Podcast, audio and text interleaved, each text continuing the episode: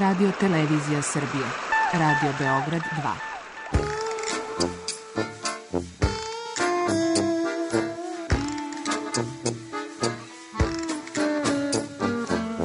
Rekli su mi, gospodine, vi ste promašili temu. Pa ja sam onda promašio život.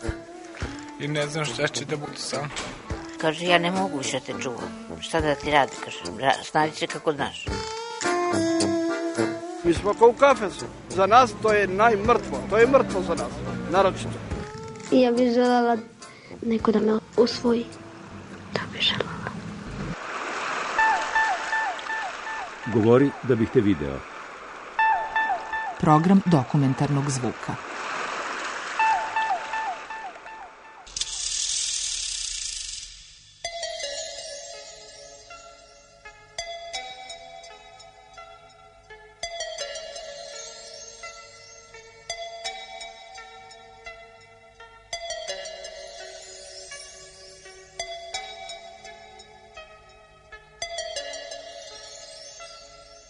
Udruženje Milutin Milanković već godinama sakuplja dokumentaciju neophodnu za razumevanje i proučavanje života i dela velikog srpskog naučnika.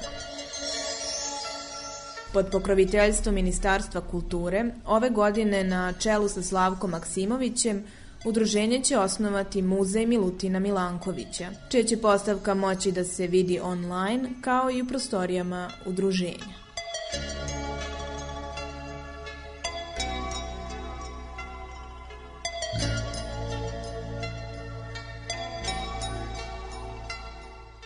Kad je u pitanju muzej, treba naglasiti da je Milanković jedan od srpskih velikana koji nema praktično ni muzej, ni nikakvu postavku se mogao što ima udruženja koja nije zvanična, to je nešto naše interno. E sad, šta je posljedica toga? Posljedica njegova dokumentacija je rasuta po mestima gde je živeo i radio.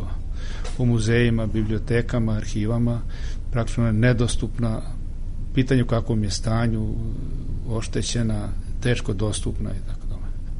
E sad, mi smo kao udruženje rešili da prvo smo išli na to da vidimo gde je njegova dokumentacija, gde se nalazi, šta sadrži i mi smo uspeli da praktično registrujemo skoro sva mesta gde postoji njegova dokumentacija. To znači u Beču, u muzeju, u Pešti, u Osijeku, u, u Srbiji po na, recimo, najveći izvor njegove dokumentacije u Akademiji nauka, međutim ima i drugi, ima recimo iznenađujuće u Narodnoj banci, jako bogata dokumentacija, ili on je radio kovnicu novca, tako da ima veliki broj dokumenta. Radio je kanalizaciju u Beogradu, tako da vodu i kanalizacija ima dokumenta.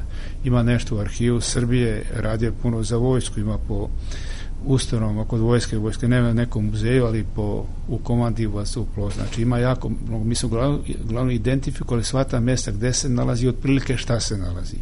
I uspeli smo deo toga da ne da povučemo niko na ne da original, nego da dobijemo skenirane na dokumenta, uglavnom svi su bili ljubazni, dali smo tako, neđe smo nešto platili, recimo u Austriji su morali da platimo, Mađare sam dali besplatno, naši ovdje svi su dali besplatno, tako da mi imamo skupljeno preko 2000 različitih dokumenta skenirano, obrađeno, prepoznato gde se nalazi šta je na tom sadržaju. I na kraju smo u dogovoru sa ministarstvom kulture koji su bili vrlo ljubazni, on sam rekli jako će teško će se osnovati muzej kao institucija, nego ajde vi imate zakonsku osnovu, a i naš statut je dozvole da mi osnovimo muzej u okviru udruženja. I mi smo naš upravni odbor donio odluku da se osnovi muzej u sastavu udruženja, tačno sve imamo pravo, sad smo znači kao institucija, i tad oni smo, e sad šta je sa sledeći korak je da se oformi muzej. I mi sad i, vrlo intenzivno pravimo spisak obrađujemo dokumenta predmeta vidimo šta imamo. To su znači dokumenta, prepiske naučni radovi. E, i imamo jako bogatu kolekciju njegovih knjiga. Znači imamo sva izdanja koje je on izdao od prvo izdao 1928. godine kroz Vasionovi vekove do kanona osunčavanja koje je poslednja njegova knjiga to je bilo 1941. godine znači imamo jako bogatu tu kolekciju i imamo određeni predmeta na kraju nam se skoro javila jedna gospođa koja je stanovala i živjela u Milankovića kući i ona nam je dala dve kutije knjiga, ima dokumenata, ima starih knjiga, ima neki predmeta i mi sad to obrađujemo.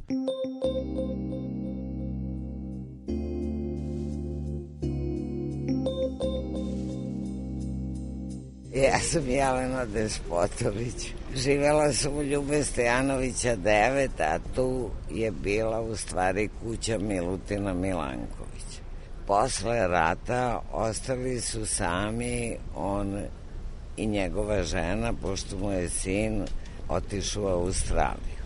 Pošto je kuća bila dosta velika, prizemlje i sprat, oni su njemu uselili razne stanare, jer je to bilo previše veliko za jedan bračni par, a oni nisu izgleda bili baš nešto ovaj, u najboljim odnosima sa tadašnjim vlastima. Jer je u tom, taj kraj ceo je profesorska kolonija i tu su uglavnom sve živeli stari profesori koji su bili predratni profesori i većina od njih nisu bili baš nešto ovaj, podobni za tadašnji režim. Tako da su mu selili razne ljude, a moj otac je sticajem okolnosti živeo još pre rata kao student kod njega. I onda kad je moj otac dobio stan, Milanković zamolio moje roditelje da se oni prošire po celom spratu, a da ovaj, ti ljudi koji su tu stanovali, da oni odu u taj stan koji smo mi dobili. Tako da smo mi ostali sami u kući sa Milankovićem Na jednom spratu je bio on sa ženom, na drugom smo bili mi. Menjali smo stanove, oni su prešli u prizemlje, mi na sprat, da bi oni mogli da budu bliže dvorištu, jer je bilo veliko dvorište. I ja se kao dete sećam da su oni sedeli na dvorištu, bila je garnitura za sedenje, ja sam normalno tu da trčala okolo.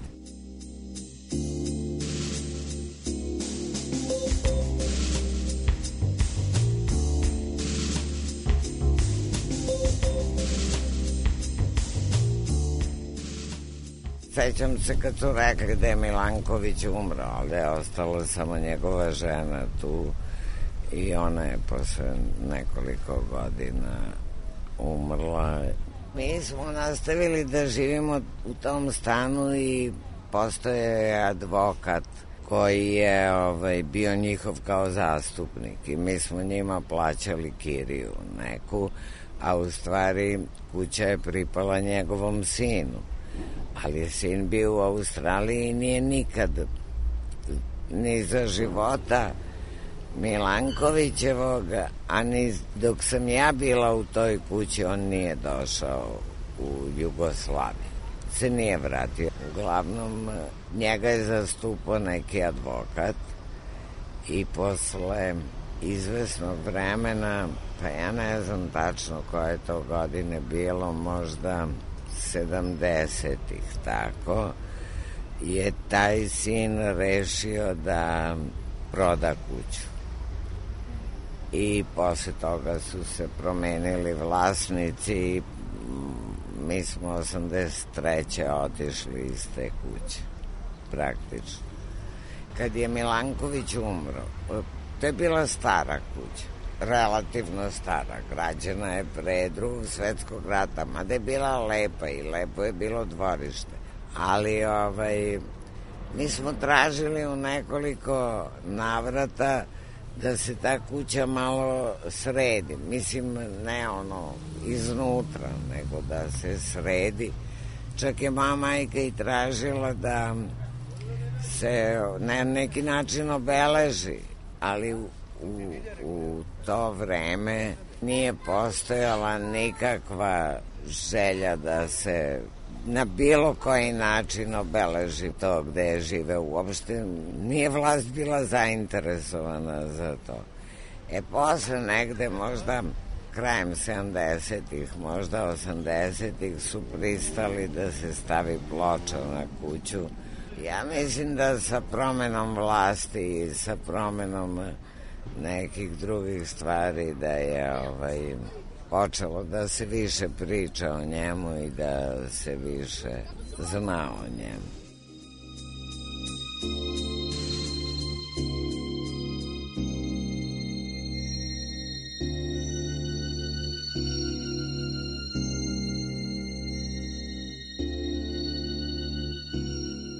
Postoji mišljenje da je on malte ne bio državni neprijatelj i tako su ga okvalifikovali. Međutim, paralelno postoji dokumentacija koja pokazuje da on nije bio to. Prvo, on je za vreme rata živeo u Beogradu i svi ti poznati ljudi, naučnici, profesori su bili proveravani njihovo ponašanje. Da li su potpisali poznatu deklaraciju ili nisu. On to nije potpisao. Čak je bio u jednom momentu osuđen kao rat, problem ratnim dobitnikom, pa je pokazao da je on sa čim je ušao u rat izašao iz rata, iz ičega sve prodavao da bi živeo, da je nije se uopšte bavio nikakvom politikom, čak je odbio da bude rektor univerziteta, što mi je nuđeno, dalje, pošto je Beograd pripadao Nemačkoj to vreme, jako mnogo je dobio poziva nema, nemačkih naučnika, e, nemačkih institucija da učestvuje na nekim naučnim skupovima. On je to sve odbijao, sve je vešto izbjegavao, tako da on izašao čist. Međutim, ostala je neka fama, postoje tak i neki dokument koji je ne znam ko je napisao, otprilike da je on se ne interesuje za marksizam, ono što je bilo najgore karakter, ne interesuje za marksizam, otaljava nastavu, ali ga pustit ćemo, on je star, umreće kao takav. Međutim, mi smo došli do tragajuće dokumenta, značajnih dokumenta, recimo prvo smo našli u, u Akademiji nauka jednu malu njegovu belešku, gde je ono 1948. godine, mislim tačno 25. februara, Tito je primio akademika Belića, akademije, Pavla Savića i Milutina Milankovića i s njima je razgovarao što se pravi atomska bomba i da li da se osnovi institut. Znači, u temelj instituta Vinče dogovoren tada, reče da treba praviti. E sad oko atomske bombe tu je ovako Milanković je napisao da je on stavio primjedbu Maršalu da je to projekt jako skup a Maršal je odgovorio da, ali mi hoćemo da budemo nezavisni od sveta. E sad, kakva je sudbina atomske bombe, ima ceo to ovaj, nije se odustalo, išlo se koliko je radilo. Uglavnom, znači, 48. godine predsjednik to je komandant najviši vrh, prima Milankovića da je bio državni neprijatelj na najosjetljivije pitanje, da li da se pravi atomska bomba. Dalje, 52. godine je adaptirana zgrada Akademije nauka i opet je Tito sa kompletnom vrhuškom, svi su tamo bili, Pijada, Kardelj, Stamboli, svi su bili u akademiji, Milanković je bio njima domaćin, on ih je vodio kroz akademiju, postoji fotografija gde sve stoji ovdje, postoje ova akademica, Milanković stoji ispred njih, znači bio je domaćin. To su činjenica. E, a onaj jedan dokument koga neko napisao i nije ni potpisan ima mnogo jaču snagu nego sve ovo drugo. E sad to, to treba neko istoričar ili neki sociolog da vidi šta je to, zbog čega je to tako. E, recimo njemu su mnogo zamerali što je njegov sin emigrirao, odnosno iselio se. A iselio se iz nekih razloga i, i to se zna zašto on je recimo bio pravnik radio u nekom ministarstvu kao pravnik i posle ga postave za direktora stolarske radnje. I on naravno revoltiran je i selio se.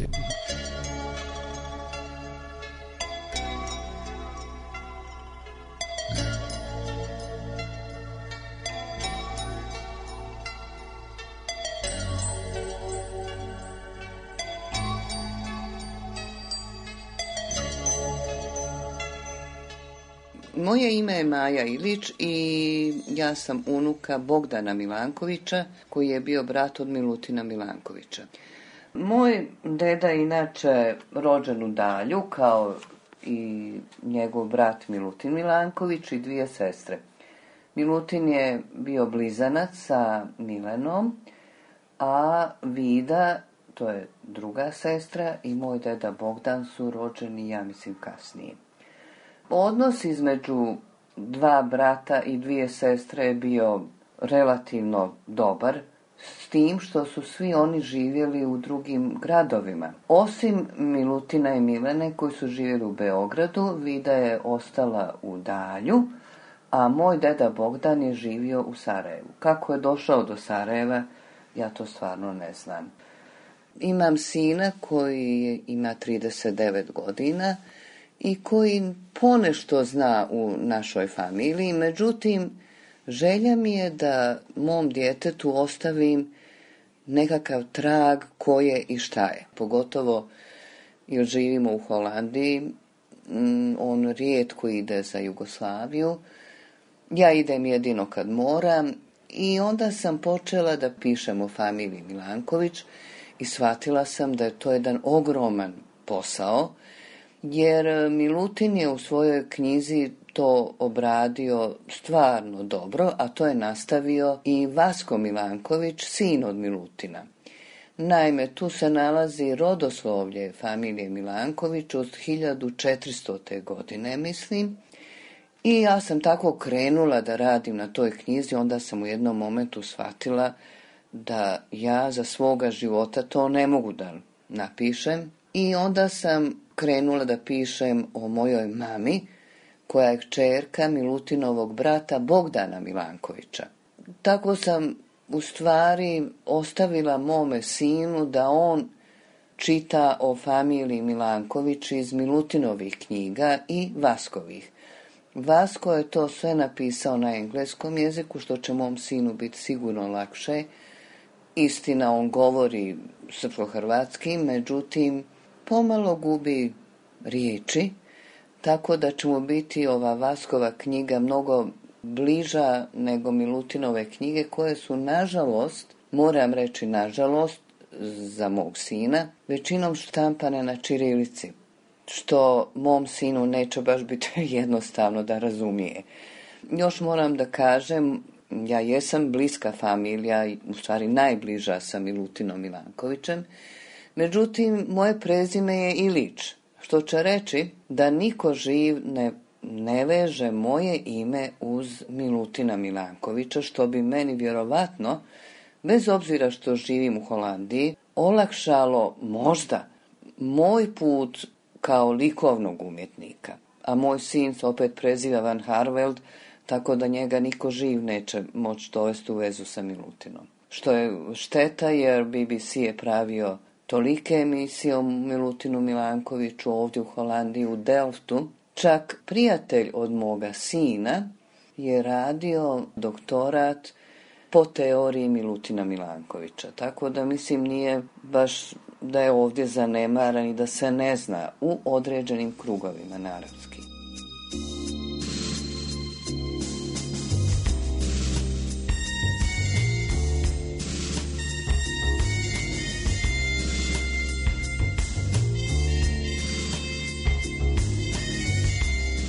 Ja sam stupila u kontakt sa udruženjem Milutina Milankovića.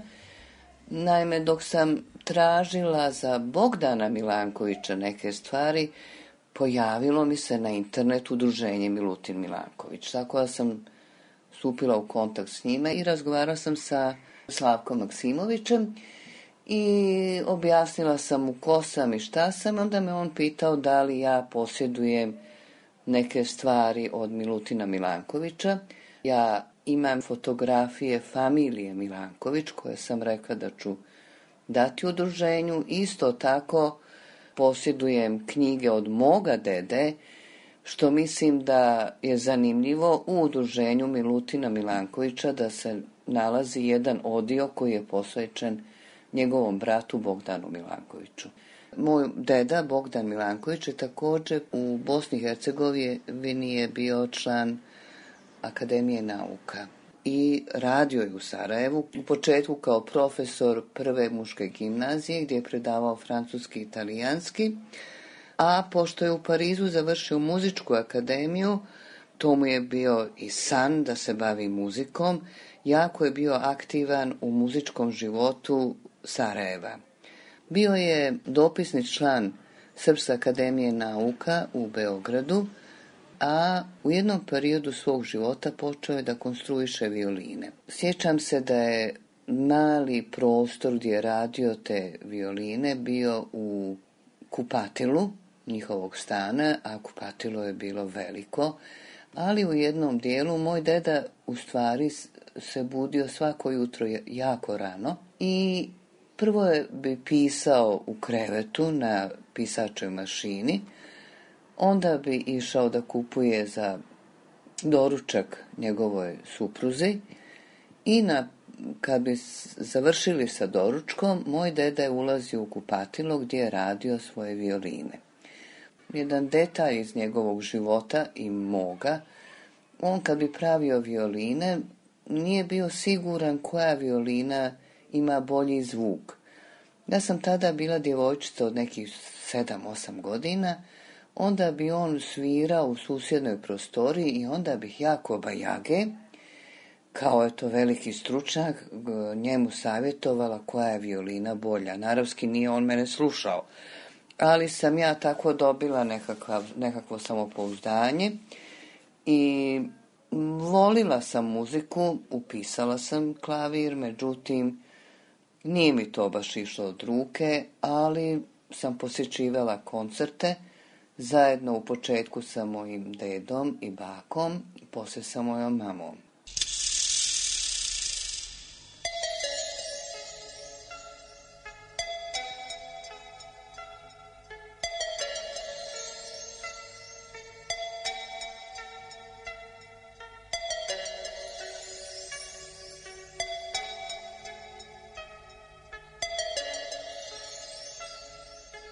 Ja sam Zoran Stevanović, redovni profesor Rudarsko-geološkog fakulteta na departmanu za hidrogeologiju. Bio sam, da kažemo tako, klinac na mojoj čuburi kada su moji roditelji, Petar, takođe geolog, akademik, i moja majka Zorka Petrović Stevanović, knježevnica i pravnik, imali prilike da sa Milankovićem kao mlađi prijatelji jedno vreme druguju i da u našu kuću uđu te priče o velikom Milutinu i da čak i neki fakti ili predmeti iz njegovog života, istina skromni, ostanu kao pokloni u mojoj porodici. Dakle, veza i najdublja veza o Milutinu Milankovića i moje porodice počinje 1953. godine u Rimu, prilikom poslednjeg velikog svetskog kongresa kome je Milutin Milanković prisustvovao i na kome je prikazao jedan svoj rad. Zapravo, moj otac je e, kao mlađi saradnik i u to vreme naučnik, e, vanredni profesor, mislim da je bio na Fakultetu prirodno-matematičkih nauka, imao prilike da sa Milankovićem delimično sarađuje, ali to nije bilo prijateljivanje, jer je to bio odnos starije kolege Milutina Milankovića i moga oca. 53. moj otac i majka zajedno sa slovenačkim naučnikom Brodarom i Milutinom Milankovićem putuju na kongres Inkve, to je kongres internacionalne asocijacije za geologiju kvartara, zapravo tog najmilejeg geološkog doba, na kome Milanković planira i to je i uradio da izloži rad o uticaju egzaktnih nauka, pod kojima ona podrazumeva matematiku, nebesku mehaniku i ostalo, na geološke procese i njihovo funkcionisanje. Te 53. oni će provesti to e, vreme u Rimu i tu će se dogoditi jedan, mogu ga nazvati incident koji je dosta dobro opisan u dosta radova i kome je takođe pažnju posvetio i novinar Velimir Pavlović, Velja Pavlović sa studija B, koji je u to vreme snimio i emisiju za TV Politika, tada privremeno i honorarno boravi na njoj, u kome će moja majka izložiti sve okolnosti kojima je taj incident e, se odigrao. Zapravo, Milutin Milanković prilikom izlaganja svog referata na jeziku e, francuskom, koji je bio oficijalni jezik e, konferencije u Rimu 53. je na neki način usporeno govorio i prevodio sa njegovog maternjeg, polumaternjeg, da kažemo nemačkog jezika i taj se rad i njegovo izlaganje bilo relativno odužilo.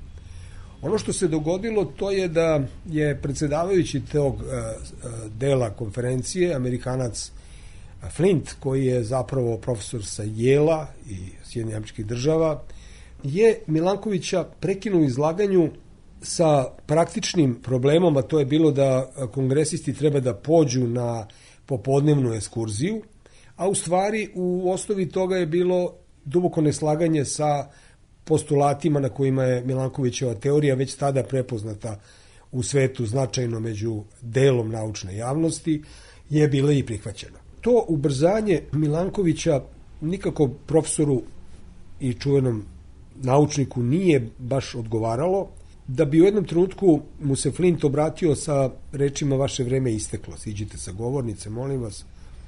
I naravno to je izazvalo vrlo burno negodovanje u sali, ali je Milanković pozdravio svoje pristalice, uzeo je papire koje je nosio sa sobom i rekao je biće objavljeno, biće objavljeno. Videlo se Milankoviću stvarno nije bilo to prijatno i on se više do kraja konferencije nije pojavljivao u toj sali, niti je išao na postkongresnu ekskurziju koja je išla u pravcu Pize, vulkanskih oblasti u Italiji i Milanković je ostalo vreme proveo u šetnjama Rimom i to u razgovorima sa mojom majkom književnikom i u analizama toga šta je e, i odakle je Toska rešila da se baci u, u Tibar ili gde su pape nalazile prolaz ka tvrđavi Svetog Anđela u slučaju da budu opsednuti i tako dalje. Ti razgovori su svakako uh, jako odgovarali i imponovali moje majci koja je bila značajno mlađa i koja je pravila društvo Milankoviću u toj njegove poslednjoj turi. Tako, eto, to je neko njegovo, da kažemo tako, putovanje, pet godina kasnije on je preminuo, ali u tom periodu od 53. do 58. moji roditelji su bili često posetioci sa, da kažem, jednom grupom naučnika, među kojima je ovaj moj otac bio među mlađima, to navodi. To su bili veđeni ljudi iz ovog našeg, možemo reći, naučna elita Srbije za to vreme, koji su se u njegovom domu u profesorskoj koloniji okupljali, imali ponekad te razgovore, sedeljke prijatne i takođe Milanković je za uspomenu na te dane nekoliko svojih tih predmeta, među kojima je najvrednija svakako jedna lula sa Napoleonovim uh, likom koji je isklesan na, u toj luli koja je zapravo ostala kao poklon kasnije posle njegove smrti data od strane Tinke, žene Milutina Milankovića, mojoj majci. A danas sam ja, eto, naslednik i te lule i nekoliko sitnih predmeta, među kojima je bedž sa te konferencije i to je nešto što će, nadam se, jednog dana upotpuniti uh, ove, ovu muzejsku postavku u kojoj se svi nadamo i koju svi želimo i koja bi trebalo da učini još popularnijim lik Milutina Milankovića.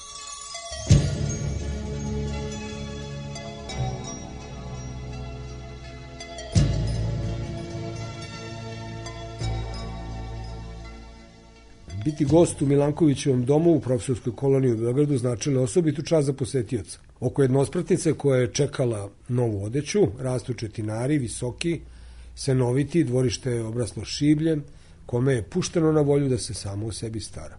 Među pozvanima bilo je predstavnika muškog i ženskog pola, ljubitelja umetnosti, profesora i drugih intelektualaca i njihovih žena iz kolonije i drugih krajeva Beograda. Nikad nije bilo više od deset osoba. Starosti približno, Tinki i Milankoviću, supruga i ja smo bili znatno mlađi.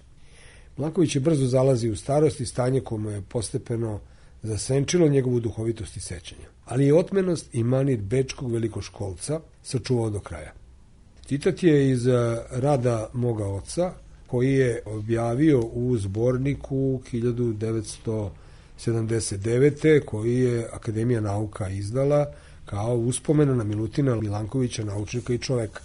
Prema tome, mi nikad ne možemo reći da je Milanković bio zaboravljen, njemu nije pridavana tokom nekoliko decenija od njegove smrti puna pažnja od strane široke javnosti, nije tu bio promovisan, nije tad imao mogućnost da dospe na novčanicu kao što je danas da škole nose njegovo ime i tako dalje, ali to je i normalno. I tu je jedna prirodna distanca između vremena u kome stvaraš i vremena kad će prepoznati značaj tvog stvaralaštva, generacije koje dođu iza. Ali u Akademiji nauka bio prepoznat kao stvarno vodeći naučnik u oblasti prirodnih nauka.